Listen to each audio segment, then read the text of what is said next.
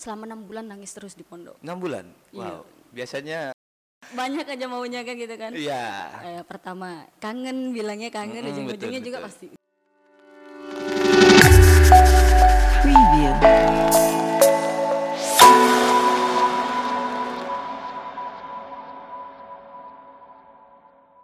Assalamualaikum warahmatullahi wabarakatuh. Selamat datang kembali di podcast Santri. Kali ini saya sudah bersama salah seseorang, salah seorang bintang tamu. Siapa dia? Ini adalah Atika Hapsari. Assalamualaikum. Assalamualaikum. Waalaikumsalam warahmatullahi wabarakatuh. Apa kabar? Ya, alhamdulillah baik. Gimana host sendiri? Oh selalu luar biasa. Saya selalu luar biasa karena memang ya sebetulnya memang suka ngobrol sama orang begitu ya. Jadi eh, kenapa sih sulit banget untuk diajak podcast? Itu saya negosiasinya agak panjang. Bahkan sebelum podcast ini berdiri saya sudah negosiasi begitu. loh. Apa ya? Ya ngerasa kayak gimana ya?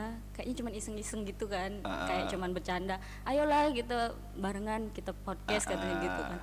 Ya, seorang Atika gitu kan ngapain diundang ke situ gitu. Jadi kayak cuman temore doang sih gitu. Jadi kan sebetulnya kita kan eh, baru ya kenal itu kan. Sebelum saya ke Kalimantan kita pernah berhubungan meskipun secara virtual.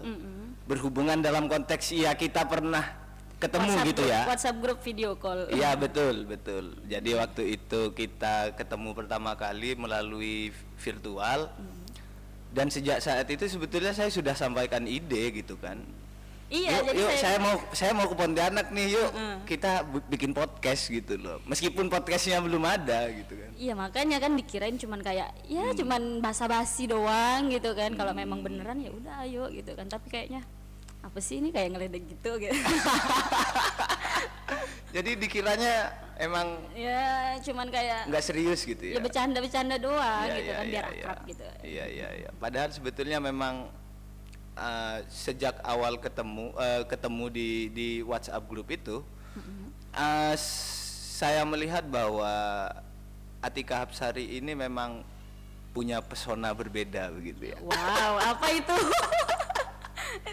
Enggak, ini artinya itu Anda cukup viral juga wow, sebetulnya begitu. viral ya. Iya, iya, iya. Tapi iya memang kebetulan beberapa teman itu sering sering ngobrolin begitu lah. Bu ketua, bu ketua begitu, ketua IPPNU. Wah, ini siapa begitu loh. Oh iya iya. Iya, Anda ini ketua IPPNU Kota Pontianak ya, Iya, cabang berarti ya. benar. Sudah berapa lama? Tahun 2000 eh berapa sih? Tahun lalu terpilih Heeh. dan tahun lalu juga udah pelantikan. Jadi udah satu Betul. tahun berjalan. Ya. Masa masa, jabatannya periodenya dua kan tahun. dua ya? tahun. Cabang itu ya. Hmm, Kalau IPPNU itu dua tahun. Berarti konferensi masih tahun depan. Maret dua- 2021. Iya, 2021 baru konferensi. Jadi nanti eh, baru berganti kepengurusan begitu ya. Hmm, ya. Ya, jadi saya agak bingung juga sebetulnya. Cuma nanti se- kita mengalir saja ngobrol banyak hal. Oke, eh, siap. Sepertinya ada beberapa hal yang bisa saya tanyakan begitu loh. Tapi yang pertama nih sebetulnya eh, saya ingin bertanya tentang ini pengalaman di pesantren lah. Kita ini kan sebelum sebelumnya saya itu kan eh, podcast podcast kami itu sebelumnya bersama Kiai Haji Abdul Salam. Eh, jadi beliau itu kan santri agak agak senior. Iya. Mau bilang agak kuno nanti takut gimana gitu kan. Tapi agak nonton lagi. Ah, kita ini kan hampir bisa dibilang hampir satu angkatan begitu ya. Ya cerita pengalaman dong selama nyantri. Pengalaman apa ya? Oh ya, mon- mondoknya dulu nyantri di Nyantrinya dulu di Bogor. oh, di Bogor. Jadi kayak apa ya dibilang masih terlalu kecil buat jauh dari orang tua tuh Heeh. memang benar karena Iya. ya saudara-saudara sendiri itu kan saudara-saudara saya tuh mondok juga itu tapi lulus SMP. Jadi Terus kamu lulus SD. Oh, lulus SD. Diantar bapak dulu ke sana itu. Oh, diantar Bapak. Jadi Ibu?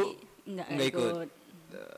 Pertama kalinya ke sana ya ngerasa masih kecil ya orang lain bisa sekolah sekolah umum gitu di luar Iya, gitu iya. kan sedangkan saya tuh harus jauh gitu dari orang tua ya enggak apa-apa sih jadi pengalaman juga buat saya sendiri punya trauma nggak sih? Ketika enggak maksudnya kan usia si- saya saya itu nyantri sejak kelas 6 SD. Masuk pesantren itu kelas kelas 6 SD. Tapi itu karena memang saya yang minta. Itu pun kenapa saya menganggap bahwa biasa saja karena jarak saya, rumah saya dengan pesantren itu hanya sekitar kalau perjalanan pakai naik sepeda motor itu sekitar 40 menit. Jadi bisa dibilang relatif dekat begitu loh. Sementara kamu kan nyebrang pulau. iya nyebrang pulau Nah, punya trauma nggak sih dari umur sekian, umur lulus SD kemudian masuk pesantren, itu gimana perasaan seorang anak kecil yang tentu masih senang bersama orang tua. Main-main sama teman-teman gitu loh. Ya pastinya nangis ya, apalagi itu kan waktu itu waktu itu perginya naik kapal sama bapak Oh, iya, kan, betul, betul. saat orang-orang pergi ke Jakarta, tapi kan memang ke Jakarta dulu kan jurusannya kan karena di Bogor. Jadi ngelihat orang-orang di kapal itu have fun gitu kan sama keluarga sama teman-teman gitu buat liburan ke Jakarta sedangkan aku tuh nangis gitu kan ingat waktu di pelabuhan ngelihat Sama mama ibu. iya ngelihat mama sama yang lain itu dari bawah gitu cuman dada gitu kan nangis Iya, iya, buat iya, say iya. goodbye gitu nangis duh ini kok udah nambah mabuk lautnya lagi kan udah sama bapak doang gitu jadi apa ya sebenarnya ya sedih pastinya kan Ya pasti terus sedih. selama enam bulan nangis terus di pondok Enam bulan. Iya. Wow. Biasanya ya kalau cowok sih teman-teman laki-laki saya itu ya rata-rata ya paling sekitar satu minggu atau paling lama satu bulan begitulah. iya enam bulan pertama tuh nangis terus saya nggak bisa pokoknya minta ya pokoknya minta Minta pulang. minta pulang nelpon terus apa apalah Ah. sebagai jadi alasan gitu kan pengen pulang pengen ini Tapi, tapi akhirnya tuh enggak sih jadi mikirnya udahlah apa gunanya coba nangis juga kan pulang juga enggak bisa masih lama Betul, gitu jadi betul. mikirnya udahlah jadi semacam kayak ya udah sih jalanin aja gitu kan enggak ada ruginya juga gitu. sebetulnya kalau menurut kamu umur sekian itu umur berapa sih lulus SD itu umur berapa ya 12 6 6 ya sekitar 12. 12-an 12 13 begitu ya. Hmm. 2008 kok nggak 2008 ah, sebetulnya kalau menurut kamu umur sekian itu apakah sudah layak dalam tanda kutip masuk pesantren gitu loh? Apakah masih terlalu dini? Karena kan sekarang perkembangannya sudah berbeda begitu loh. Layak menurut aku sih karena apa ya? Apa ya? Tergantung dari pembawaan dirinya juga. Tergantung pribadinya Mm, juga. pribadinya juga gitu. Jadi kalau saya sendiri itu kan ya karena di ditawarkan yuk mondok katanya gitu kan. Di mana? Di Bogor. Oke lah habis itu kita mengiyakan gitu jadi kita yang mengiyakan kenapa kita nggak bisa jalanin Iya, gitu iya.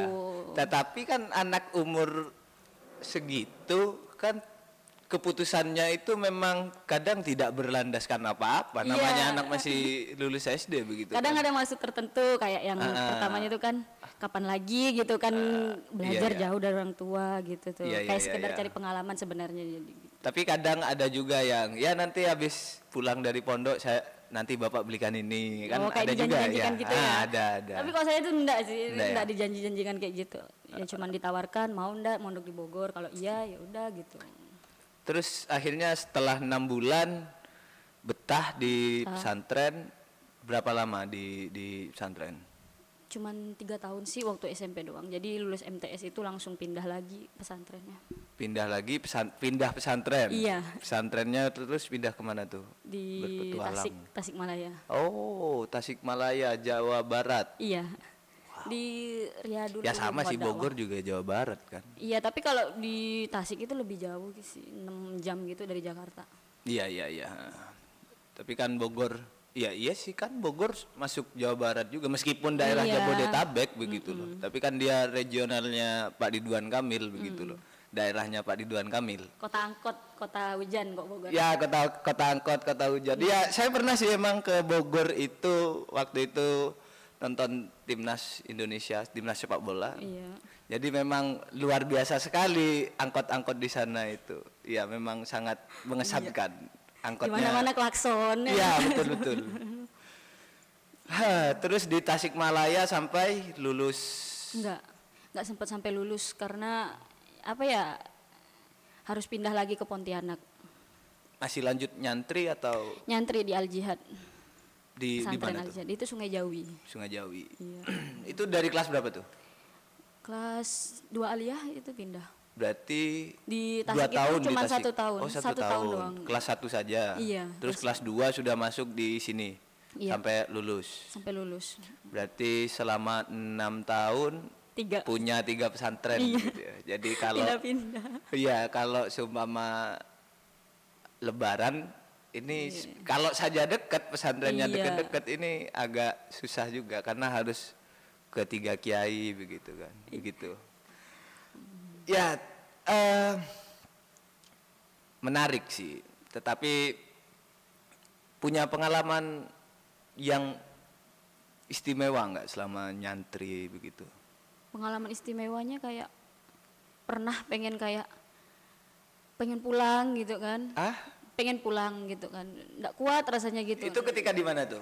Masih Ya, di Bogor. Bogor itu yang ngerasa kayak udahlah pengen Ya, itu pulang kan gitu masa, dapat masa-masa sulit kan pasti Iya, karena ngelihat teman-teman tuh kan ya yang tiap minggunya di Dijenguk. samperin, dijenguk sama orang tuanya gitu kan. Terus bisa pulang enak gitu tuh. Ah, ah. Sampai kadang aku bilang, "Udahlah pulang sendiri naik kereta gitu kan." Itu kayaknya nekat banget jadi orang gitu kan. ke mana naik kereta? Naik pulang ke Jakarta kan, kan ada kan. Oh, ada saudara juga. Iya, Jakarta gitu. Oh, iya iya iya. Jadi iya. kayak kok sempet nekat banget jadi orang gitu tuh kan. Terus akhirnya pulang tuh? Enggak Oh, dong. enggak, enggak. Kirain cuman kayak itu cuman Bener-bener. ingin gitu kan pengen udah pulang aja gitu Ah, ah. Tapi setiap tahun pulang ya? pulang ke Pontianak Pulang tapi kalau Pontianak. liburan kenaikan kelas ya ke Jakarta Kenaikan kelas itu berat Oh iya iya iya iya iya itu. iya Sekitar kan nggak lama kan kenaikan nggak lama. kelas itu kan paling 15 harian gitu ya. Iya. bener. betul. Tapi kalau bulan puasa tetap libur kan? tetap libur ke Pontianak Lib- libur pasti balik. panjang pasti pulang tiap Pasti, tahun pulang. pasti pulang kan kok nggak nangis aku Tapi eh, saya punya banyak teman sih yang dia dari pertama mondok sampai boyong Hmm. ya istilahnya angkat koper dari pesantren itu memang nggak pernah pulang ada. Jadi enam tahun nggak pulang. Tapi cowok sih. cowok. wajar Ya mungkin karena saya sendiri itu tidak merasakan itu, tidak merasakan bagaimana yang benar-benar jauh dari orang tua. Karena saya kan kadang, ya kalau pengen dijenguk, ya nelpon. Biasanya kalau nelpon itu sudah salah satu tanda uang habis gitu kan. Jadi langsung dijenguk itu santai. pasti kalau ada nelpon itu kalau banyak aja maunya kan gitu kan Iya. Eh, pertama kangen bilangnya kangen Mm-mm, ujung-ujungnya betul, juga pasti duit lagi Pasti duit. Ya, eh, terus setelah di setelah nyantri enam tahun, total enam tahun ya. Iya. Total enam tahun, lanjut kuliah, kuliah lanjut kuliah di di Untan. Untan, iya Universitas Tanjung Pura, Pontianak. Dan pada akhirnya eh, setelah berapa tahun dari pesantren jadi ketua cabang nih? Setelah Keluar pesantren tahun? ya? 2014. 2014. Sekarang lima tahun setelah itu. lima tahun setelah itu. Tapi memang berkarir dari ranting ya, Enggak. langsung di Iya kan kalau cabang langsung gitu. oh langsung di cabang. Iya. Cuma sebelum jadi ketua jadi pengurus. Iya jadi pengurus dulu. Karena biasanya kan ada syarat ketua itu harus pernah. Iya. Nah, ya. Sama Ya, saya kayak gitu juga di kurang situ. tahu sih. Iya dan Iya, cuma so tahu aja karena memang ya pengalaman di organisasi saya sebelumnya ya ya begitu begitu loh. Untuk jadi seorang ketua memang ya paling tidak satu periode pernah jadi pengurus. Iya. Ya. Eh, terus ini. Jadi oh ya. eh, saya sebetulnya ingin agak ingin protes juga sebetulnya ya Protes tentang apa tuh? tentang ini. Kamu kan mahasiswa begitu kan? Ya. Kamu kan mahasiswa. Kenapa organisasinya pelajar begitu loh? Aduh. Enggak enggak. Sa- Saya saya agak cerita dikit ya. Saya agak cerita dikit. Saya itu di di Malang dulu waktu kuliah itu salah satu orang yang kurang sepakat, kurang sepakat saja. Meskipun secara ideologis ya ini bagus-bagus saja untuk untuk NU begitu. Tapi NU ini kan punya banom banom organisasi kemahasiswaan Ya, begitu loh. Sehingga kalau di di kampus saya dulu itu memang ada Ibnu Ibnu IPPNU pengurus komisariat apa namanya PKPT. PKPT betul PKPT perguruan tinggi Eh, saya kurang tahu kalau daerah di sini apakah memang ada di kampus ya Hanya ada di Pontianak. Itu juga di dari periode yang lalu sih. Iya, itu. iya. Dibentuk oleh ketua yang dari sebelumnya saya gitu. Oh, nah dari itu saya memang salah satu orang yang kurang sepakat saja kalau Ibnu harus masuk kampus. Se- Seharusnya kan setelah begini karena organisasi kemahasiswaan Banom NU yang organisasi kemahasiswaan juga kan kebutuhan kadernya juga lumayan. Si, eh, artinya seharusnya menurut saya ya ketika pelajar ini diarahkan oh bahwa kalau kamu jadi mahasiswa nanti masuknya ke sini gitu loh kan. Kan Tapi- sudah resmi PMI sudah resmi loh jadi Banom NU lagi di Muktamar Jombang 2016. Tapi ya. kan sebelumnya juga udah pernah menyatakan independen kan? Betul. iya, betul. sebab itu bisa terbentuknya PKPT. Eh, jadi atas keresahan itu juga ya. Iya, karena memang seperti itu. Eh, saya- Kemarin juga kan sempat waktu kongres di Cirebon juga waktu tahun 2018 juga itu sem- sempat, Sempat dibahas. Sempat dibahas sama Pak Azwar Anas, Uh-uh. Bupati Banyuwangi. Iya, betul, betul. Iya, itu ngebahas itu keresahan ya gimana nanti bentroknya IPNU PPNU di kampus. Terus pada akhirnya PKPT ini memang legal ya. Iya, legal. Legal dan dari pusat sudah ada begitu. Memang loh. ada Heeh, ya. sejak dulu. Iya, emang serius sejak dulu. Iya. PKPT sejak dulu. Saya kurang Memang tahu juga ada. loh sebetulnya. Iya, memang ada. Oh, berarti memang di kampus saya itu sebelumnya memang baru hidup lagi mungkin ya. Baru hidup beberapa tahun sebelum saya masuk eh, kuliah gitu loh. Jadi memang agak baru sebetulnya PKPT-nya. Terus kan- pada akhirnya kan agak bentrok juga Iya. gitu loh. Memang seperti itu sih kadang permasalahannya di situ. Ya enggak bisa kita pungkiri lah kan Iya, kita iya. se- PMI sama organisasi lain juga kan bisa kayak gitu kan apalagi kita yang sekedar sama bandamnya gitu kan bisa dibilang Betul, ideologinya betul. yang sama gitu. Tapi punya hubungan baik dong. Seharusnya punya hubungan baik. Kalau di sini Harusnya gitu. antara PMI dengan IPNU, PPNU, dan PKPT itu bagaimana hubungannya? Ya cukup Baik baik, kan ya? cukup baik Nah, gitu. betul, betul. Karena di sini PKPT itu cuma ada satu dan itu juga cuma di IAIN Pontianak. Oh, cuma dia yang di Untan nggak ada ya? Karena ta- waktu tahun sebelumnya itu mau dibentuk Hmm. di Untan, tapi kayak itu kurang setuju ketua komisariatnya gitu. Ketua Komisariat PMI-nya. Iya katanya, katanya itu saya juga nggak tahu Iya, ya iya, gitu iya, sebelumnya. Terus eh, selama pandemi nih kegiatannya apa aja nih Hmm. Apa IPNU ya? IPPNU nih? ya waktu itu sih pernah sempat ngajain kayak ngaji fikih gitu kan. Virtual. Hmm, Iya virtual. Heeh. Terus examiner gitu kan tentang kewirausahaan pelajar Iya. gitu. Tapi kayaknya kurang efektif karena ya pelajar di kota Pontianak ini kan kayak yang kurang minat di organisasi gitu kan. Iya. Apalagi ya apa sih yang kita dapat gitu tuh kan kayak memang maunya yang real gitu hasil real. Apa yang didapat dari organisasi iya gitu kan begitu. maksudnya? Cuman ya terus kendalanya kan tidak semuanya orang tuh mau gitu kan. Kita aja yang kayak di Jawa kan semuanya harus berbayar sedangkan di sini digratiskan juga kadang sulit Oh iya iya kayak iya iya. gitu. Iya betul betul. Ya itu memang saya beberapa kali dengar cerita dari teman-teman di daerah gitu loh bahkan memang agak sulit sih. Eh, saya pernah ketemu dengan salah satu ketua tingkat kecamatan tuh apa namanya?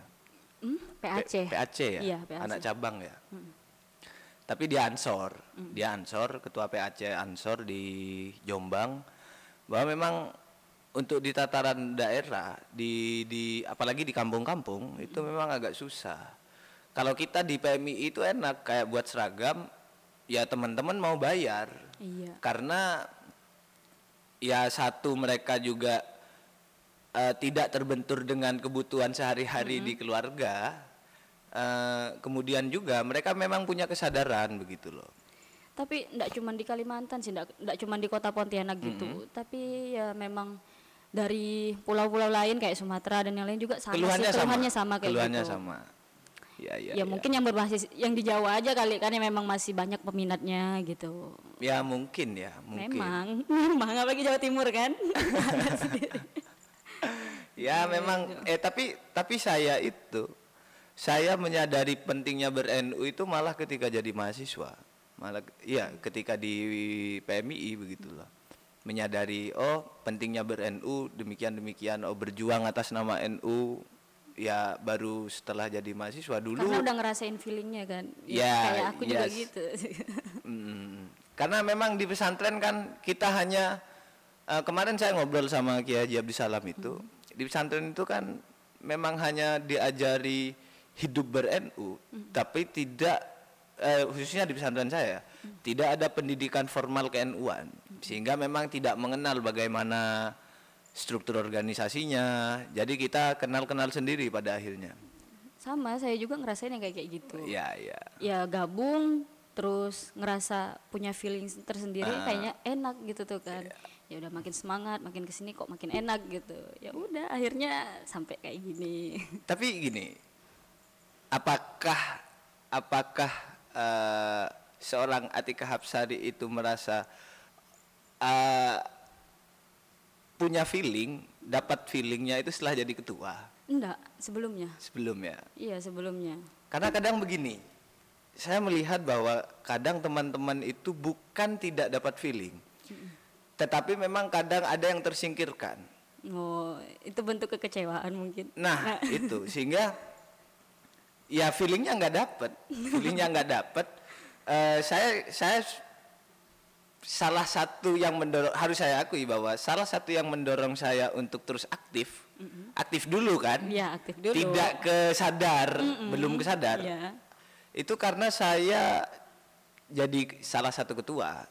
Jadi ketua angkatan. Jadi angkatan 2013 di rayon saya jadi ketua angkatan dan itu yang memaksa saya untuk terus aktif di PMI. Memaksa. Iya, salah satu harus saya akui. Dan saya jujur gitu loh bahwa itu salah satu yang memaksa. Dan ketika kemudian aktif aktif aktif eh, dapat materi diskusi ada satu momen yang oh iya ternyata penting ber-NU begitu loh. penting ber-NU memperjuangkan nilai-nilai ke-NU-an itu penting di tataran mahasiswa karena kan tantangannya memang besar sekali bahwa ada yang demikian demikian eh, kemudian ada organisasi mahasiswa yang memang ya begitulah Iya, begitulah. Kita kan tahu sendiri lah. kalau kata orang Jawa itu kan tonggo sebelah gitu ya Tonggo- Artinya aku nggak tahu tuh. tetangga sebelah Oh. begitu begitu ya memang ya pada akhirnya saya bersyukur sih saya bersyukur bahwa ya saya sadar bahwa ber-NU itu penting begitu ya Asik lagi. asik Hmm, kok seru asik gitu. seru ada banyak dinamikanya begitu kan Hmm, ya ngomongin NU memang Luas. luas panjang, sekali dan ada selalu seru Nggak ada habisnya juga. nggak ada habisnya karena ya yang harapan terbesarnya ya tentu saya pribadi ya barang siapa yang mengurusi NU maka gimana itu Mbah Hashim Asyari itu Akan dianggap ah, santrinya. santrinya dan barang siapa yang jadi santriku nah kan begitu itu kan Iya. Apa? itu lanjutannya itu apa tuh lupa aku saya sendiri itu. lupa. Iya, ya, ya yang penting itu sih. Se- se- Sebetulnya berharap bahwa saya saya dianggap salah satu santri Mbah Hashim Asyari. Amin ya Allah. Eh, menarik sih, menarik. Tapi ada yang lebih menarik sebetulnya Apa? tentang isu-isu perempuan. Isu-isu perempuan. Iya, betul. Eh, saya itu melihat kan karir perempuan itu kadang dima- dimatikan oleh kondisi sosial masyarakat. Iya. Kadang Iya. Ad- kan ada kemudian stigma yang mengatakan masyarakat tertentu yang bilang bahwa ya perempuan ngapain kuliah sekolah tinggi tinggi pendidikan tinggi tinggi toh pada akhirnya ngurusi dapur Sumur. Sumur terus? Ya itulah. Nah eh, itu kan harus kalau saja itu benar kalau saja ini benar ya maka menurut saya kita tidak akan punya orang seperti Bu Khofifah yang sekarang ya jadi gubernur, begitu loh. Keren, orang keren. Keren ya? Iya, keren. Bu, kota aku keren itu. Nah, se- sementara untuk seorang Atika Hapsari sendiri nih, perempuan tuh harus bagaimana begitu. Ya, apa ya? Tetap punya hak sih yang kayak gitu tuh. Nah, Tapi kan kita sadar juga kita ini perempuan ada batasan-batasan juga yang harus kita tetap apa ya tetap jaga juga kayak misal peraturan dari rumah gitu misal Mm-mm. kita punya orang tua dan kita juga punya abang gitu kan kakak laki-laki yang pastinya khawatir gitu kalau nah, kita betul. Ya mana yang takut yang gimana gimana ta- takut konfliknya atau gimana tetap kita apa ya hargailah mereka itu kan keluarga kita wajar gitu Oke. kan kita itu eh, apa dihawa- mereka itu khawatir ke kita Terus batasan batasan tersebut, maksudnya kayak ini nih misal jam keluarnya Ah, gitu oke, tuh, jam oke. keluar kan Ah. nggak mungkin dong kita tuh keluar keluar gitu aja tanpa harus tanpa izin, iya tanpa izin kemudian dan terus pulang sebelum jam 10. Iya, itu. Ya mungkin beberapa teman-teman juga kan pasti ada yang punya kebebasan seperti itu dan beberapa juga yang nggak diperbolehkan. Ya, Ya termasuk ya anak IPPNU sendiri kendalanya kalau ke ada kalau kegiatan malam ya Ah. Kalau itu. kegiatan gitu. malam termasuk ya saya sendiri gitu. Ya, ya. termasuk saya sendiri. ya artinya kan memang sebetulnya batasan itu kita sendiri yang menciptakan kan. Iya. Kita harus sadar diri, Sadar diri. Eh, termasuk salah satunya ya yang menciptak yang mempengaruhi kita menciptakan batasan itu kan sistem sosial begitu kan Iya. ya kita harus tahu bagaimana eh, suasana sosial di sekitar kita iya, begitu begitu. tapi kalau menurut kamu masalah ini kan kita ngobrolin sering sekali di Twitter di Iya. sosial media itu kan yang masalah salah pakaian Oh, ah. ya terus What's your opinion? Agak ke Inggris dikit lah ya. Kamu kan kuliahnya bahasa Inggris. Iya, ya. jadi salah Ya tapi jangan banyak-banyak sih. Salah pakaian gimana ya? Enggak, kalau ada kasus pemerkosaan atau kasus pelecehan, kadang kan eh, ada yang bilang bahwa makanya pakaiannya yang bener gitu. Seolah-olah. Otak cowoknya aja kali yang ngeres. Nah, ini yang ingin sebetulnya artinya eh ber- cara berpakaian itu tidak Tidak akan masalah. menghalangi Iya. laki-laki yang ingin melecehkan atau ingin melakukan pemerkosaan begitu ya. Iya, ya aku gimana ya kalau ditanya soal itu Eh, hmm, kurang itu sih gimana mau bahasnya ya Nah, tapi tapi memang saya itu berpikir gini sih. Eh, ada batas di mana ruang privasi Iya. dan ruang publik gitu loh. Eh, bagi saya perempuan siapa pun itu, karena kita tidak hanya membahas perempuan di circle kita ya atau perempuan-perempuan muslim saja ya. Tetapi perempuan tetap menurut saya berhak atas tubuhnya sendiri dan berhak berpakaian apa saja. Iya. Em, dan ketika terjadi pelecehan, ya maka pelakunya tetap salah begitu. iya tetap salah Apa pun pembenarannya tetap salah. tetap salah Tetapi harus dipisahkan bahwa ini sumpama ya. Saya selalu berbicara begini. Sumpama ada cewek, cewek pakai pakaian terbuka agak terbuka, sah, oke? sah oke Dan saya saya sebagai cowok genit, anggaplah saya cowok genit, kemudian melihat dia sah juga sah juga. iya Saya tidak salah. Yang salah adalah kalau saya kemudian memperkosa dia atau uh, catcalling ya. atau ya pelecehan begitu ya. Itu saya salah.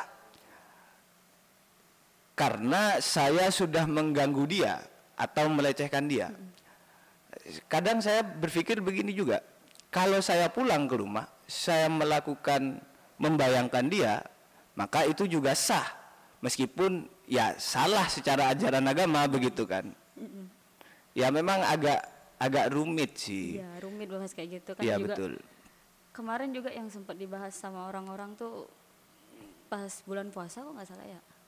Pelecehan seksual dalam bentuk verbal. Yang Ya chat-chat gitu, misal apalah. Oh, bahas apa iya. dengan modusnya apa Ah, gitu ah, tuh. Jadi kalau menurut aku juga kadang apa ya nggak akan mungkin sampai sejauh itu mungkin kalau perempuannya juga nggak mengiyakan. iya. kayak misal ada sambutan khusus gitu kan mungkin ya anda mulai gitu kan Ah. ngechat apalah gitu gitu kan Oh iya iya iya. Tetapi kan memang ya tidak bisa di apa ya? Kadang kita harus lihat dua sisinya juga betul. sebenarnya. Kita harus melihat dua sisi bahwa bagaimana si laki-laki ya bagaimana si Mm, perempuan. iya. Makanya saya meskipun kadang ada modusnya yang kayak ini nih ilmu gitu Is- nggak saya saya dalam hal ini sebetulnya agak sangat setuju sama statementnya.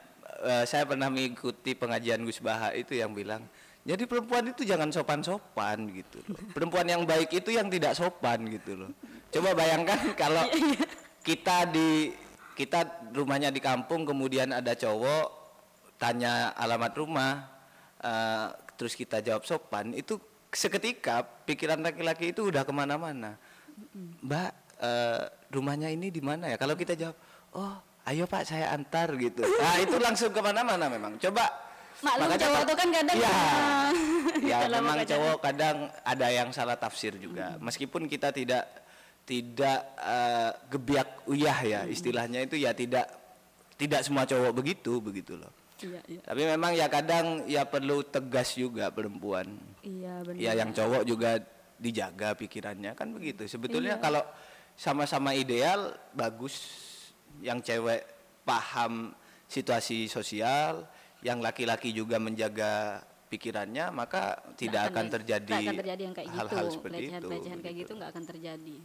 Makanya kalau ya kalau kita cum- kayak kalau cowok masuk ke tempat yang memang di situ tempat cewek-cewek yang berpakaian mini ya ya memang tempatnya begitu loh Iya, dan dan, tempatnya. dan cowok nggak mungkin kan tiba-tiba melecehkan begitu loh ya memang ya harus sama-sama inilah paham lah Iya, sebenarnya. tapi tidak Lihat juga sikon. menyalahkan, tidak juga menyalahkan. Kadang memang cewek sebenarnya selalu gimana disalahkan. gimana sikap kita sih Ya, Ah, responnya kayak gimana gitu kan dan kita ngelihat kondisinya kayak gimana gitu kan mm-mm, betul betul. semuanya pasti ada sisi baik dan buruknya gitu Ya, ya memang semua kebaikan itu pasti apa ya? apa Pasti menciptakan keburukan di sisi yang lain. iya itu sama eh, saya dengar dari pengajiannya Gus Baha juga bahwa ketika doli ditutup itu kan baik baik dalam konteks agama kita kita setuju gitu Iya, loh setuju. bahwa lokalisasi ditutup artinya mengurangi maksiat begitu tetapi ini kan sudah menjadi sistem. Akhirnya itu orang-orang di daerah doli yang Pak Haji itu bingung. yang jualan buka toko itu bingung juga begitu loh. Penghasilannya. Akhirnya dia menyesalkan penutupan doli gitu loh. Merugikan dia. merugikan dia. Sehingga tetap ada sisi buruknya. Se- se- setiap kebaikan yang kita lakukan ya ada sisi ada sisi buruknya. buruknya tergantung dari dari sudut pandang yang lain. Meskipun sudut pandangnya itu kadang ya sudut pandang yang agak jahat gitu ya ya penangkapan apa penangkapan koruptor tentu tidak baik bagi koruptornya sendiri Iya. begitu kan pastinya Iya, koruptornya. minum dulu ya. Oh, silakan, silakan. Ini memang disediakan untuk diminum. Ah, memang banyak hal yang mempengaruhi satu permasalahan begitu ya. Eh, ya termasuk isu-isu perempuan itu memang juga tidak bisa tidak habis tidak habis tidak habis untuk dibahas. Bahkan sekarang yang terbaru itu saya kemarin sempat kemarin setelah ada fetish kain jarik yang bungkus-bungkus itu ngikutin nggak itu? enggak saya enggak ngikutin Nah itu ada yang bungkus-bungkus jadi intinya ya kayak di mana itu cowok, di cowok. mana itu Pelakunya cowok dia eh, mahasiswa UNESA kalau tidak salah sudah di DO juga. Eh, jadi dia itu gay. Pelakunya seorang gay dan korbannya ya rata-rata laki-laki. Jadi dia itu kan modusnya itu dia minta em, melakukan penelitian bagaimana respon seseorang ketika dibungkus. Itu bahasa yang dia gunakan kepada calon korban begitu loh. Akhirnya minta tolong karena di masa pandemi dulunya kalau menurut pengakuan beberapa korban di sosial media dulunya dia langsung bungkus langsung gitu loh. Dan biasanya nggak ada yang berani speak up soal itu. Tunggu ada satu Karena orang. eh, iya betul, Iya. karena malu gitu Iya. kan. Kenapa korban? Ya memang Tunggu korban udah ya. satu ada yang Ada yang speak up, up, baru semuanya yang lain itu ikut. ikutan. Ya, betul. Ya, Akhirnya kemarin banyak yang yang mengakui bahwa oh ya sama dengan yang di Jogja itu kan kayak gitu yang, Yang- di UII itu katanya pelecehan seksual dalam bentuk verbal yang kayak pertama soal kajian ya soal ilmu-ilmu gitu Dosen? bukan mahasiswa mahasiswa juga pelakunya. Itu kapan sih? mahasiswa berprestasi itu loh di UII yang itu Kapan itu isunya itu? S3, S3 apa S2 ya dia ya di Monash University itu pelakunya itu Monash. Mm-mm, di Australia Iya. karena senior saya juga temannya beliau gitu waktu di Australia gitu Terus Jadi yang ngikutin juga gitu ya terkenal baik ya kayak gitu kan yang Ya, terbaru eh, tadi sempat lewat juga di TL Twitter itu. Nah, kalau saya nggak ngikutin itu yang di Twitter karena di Twitter saya itu trendingnya ya anjay gitu kan Oh iya, KPHI yang itu KPHI itu masalah anjay, anjay, masalah anjay, itu anjay gitu suruh ya. mau mau dilarang itu ya. iya sampai ada ist- apa silsilahnya dari anjay ke mana-mana gitu Iya. Ya padahal sudah diplesetkan itu ya Iya. sebetulnya. Ya memang plesetan kan. Iya, memang Karena plesetan. mau ngomong kasar ya udah jadi tapi diplesetkan sama kayak di Jawa itu ya janco. Mohon maaf ya pendengar, ini Iya, bukan maaf misuh ya. begitu loh, bukan misuh. Tapi kalau di Jawa itu ada janco kemudian diplesetkan sehingga kelasnya itu agak menurun. Ad- Jadi jangkrik, oh, jambret begitu loh jambret ya begitu ya memang itu di, sengaja diplesetkan biar ya biar tidak ke ta- eh, taraf yang tertinggi begitu. Loh kelasnya biar agak aku sampai menurun. sekarang tuh belum paham jancu itu apa coba? Ya misuh saja Oh, itu, misuh saja misuh ya? saja. Sama kayak kalau orang Jakarta bilang ya anjing gitu itu. Hmm, ya sama saja. Perdebatan sih kalau banyak perdebatan kalau artinya jancu itu sendiri apa ya banyak perdebatan. Iya sih. Jadi sehingga tidak bisa saya sendiri tidak bisa Banyak menyimpulkan bahwa ngasih- katanya ada yang bilang bahwa jancu itu adalah nama tanknya Belanda. macam-macam ya kan? Betul, banyak banyak. Tapi kalau menurut si Jiwo Tejo kan dia kan presiden Janjukers. iya presiden jancu Presiden ya itu aku juga taunya dari situ Tetap Jancu. ya eh, apa lagi ya? Apalagi Hmm, kayaknya semuanya udah deh udah.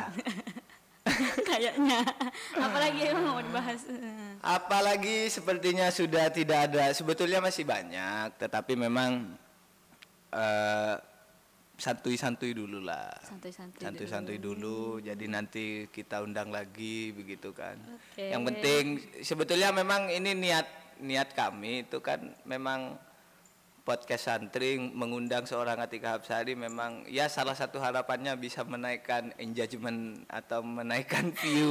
Serasa influencer aku. Ya siapa tahu siapa tahu begitu. Loh sehingga nanti punya penonton baru dan punya pendengar baru begitu. Kan kita ya podcast sebetulnya ngikutin trennya Deddy Kobuzier. Podcast sudah ada eh, videonya begitu kan. Kalau dulu kan basicnya memang audio begitu. terima kasih kepada tim podcast santri suatu kehormatan udah ya disundang ke terima sini. kasih juga. Terima kasih sudah mau datang sendiri karena memang ya satu kami belum punya studio memang ya masih beginilah kadang waktu ya kami datang ke rumah narasumber kemudian bongkar-bongkar rumahnya ya nata-nata panggung Paham. begitu kan. ya begitu makanya ini terima kasih sudah mau datang ke sini oke siap sudah panas-panas tadi tengah hari mau ke sini begitu kan Hmm, demi demi podcast santri Ya, terima kasih sudah bersedia hadir ngobrol-ngobrol Iya, bersama terima kasih kami. juga. Eh, baik teman-teman, sahabat-sahabat pendengar, penonton yang di YouTube. Eh, terima kasih. Jadi ini adalah obrolan kita hari ini tentang ya banyak hal tadi yang sudah kita bahas bersama seorang Atika Hapsari dan Ya saya akhiri. Apakah ada yang ingin disampaikan Ibu Ketua? Jangan lupa like, Biar kayak youtuber. iya serasa ya. like, comment dan subscribe. Subscribe. Kalau kata anak-anak kecil di kampung itu subscribe, subscribe, Subscribe, gitu kan. subscribe Subscribe, gitu, ya. subscribe. Oke lah. Tapi yang di Spotify cukup follow saja. Oke. Cukup follow. Di Apple Podcast sudah tayang juga Bu Ketua. Oke. Terima kasih. eh, semoga obrolan kita memberikan inspirasi. Iya. Enggak tahu ya, inspirasi yang gimana. Iya. Tapi Atika Hapsari seorang yang meng- menginspirasi begitu. Wow, menginspirasi. Iya dong, begitu. Sudah sejak kelas 1 SMP, kelas 7 sudah nyantri kemudian eh, berkarir sampai jadi seorang pengurus cabang. Mungkin setelah ini ke PW ya. Hmm, enggak deh kayaknya. Lain aja Kan deh. bisa jadi. Enggak. no, no. Ya terima kasih sekali lagi terima kasih banyak sudah mau datang dan ngobrol-ngobrol. Semoga masih punya kesempatan berikutnya untuk ngobrol-ngobrol bersama. See you on next video. Ya. Dan terakhir wallahul muwaffiq ila aqwamit thoriq. Wassalamualaikum warahmatullahi wabarakatuh. Preview.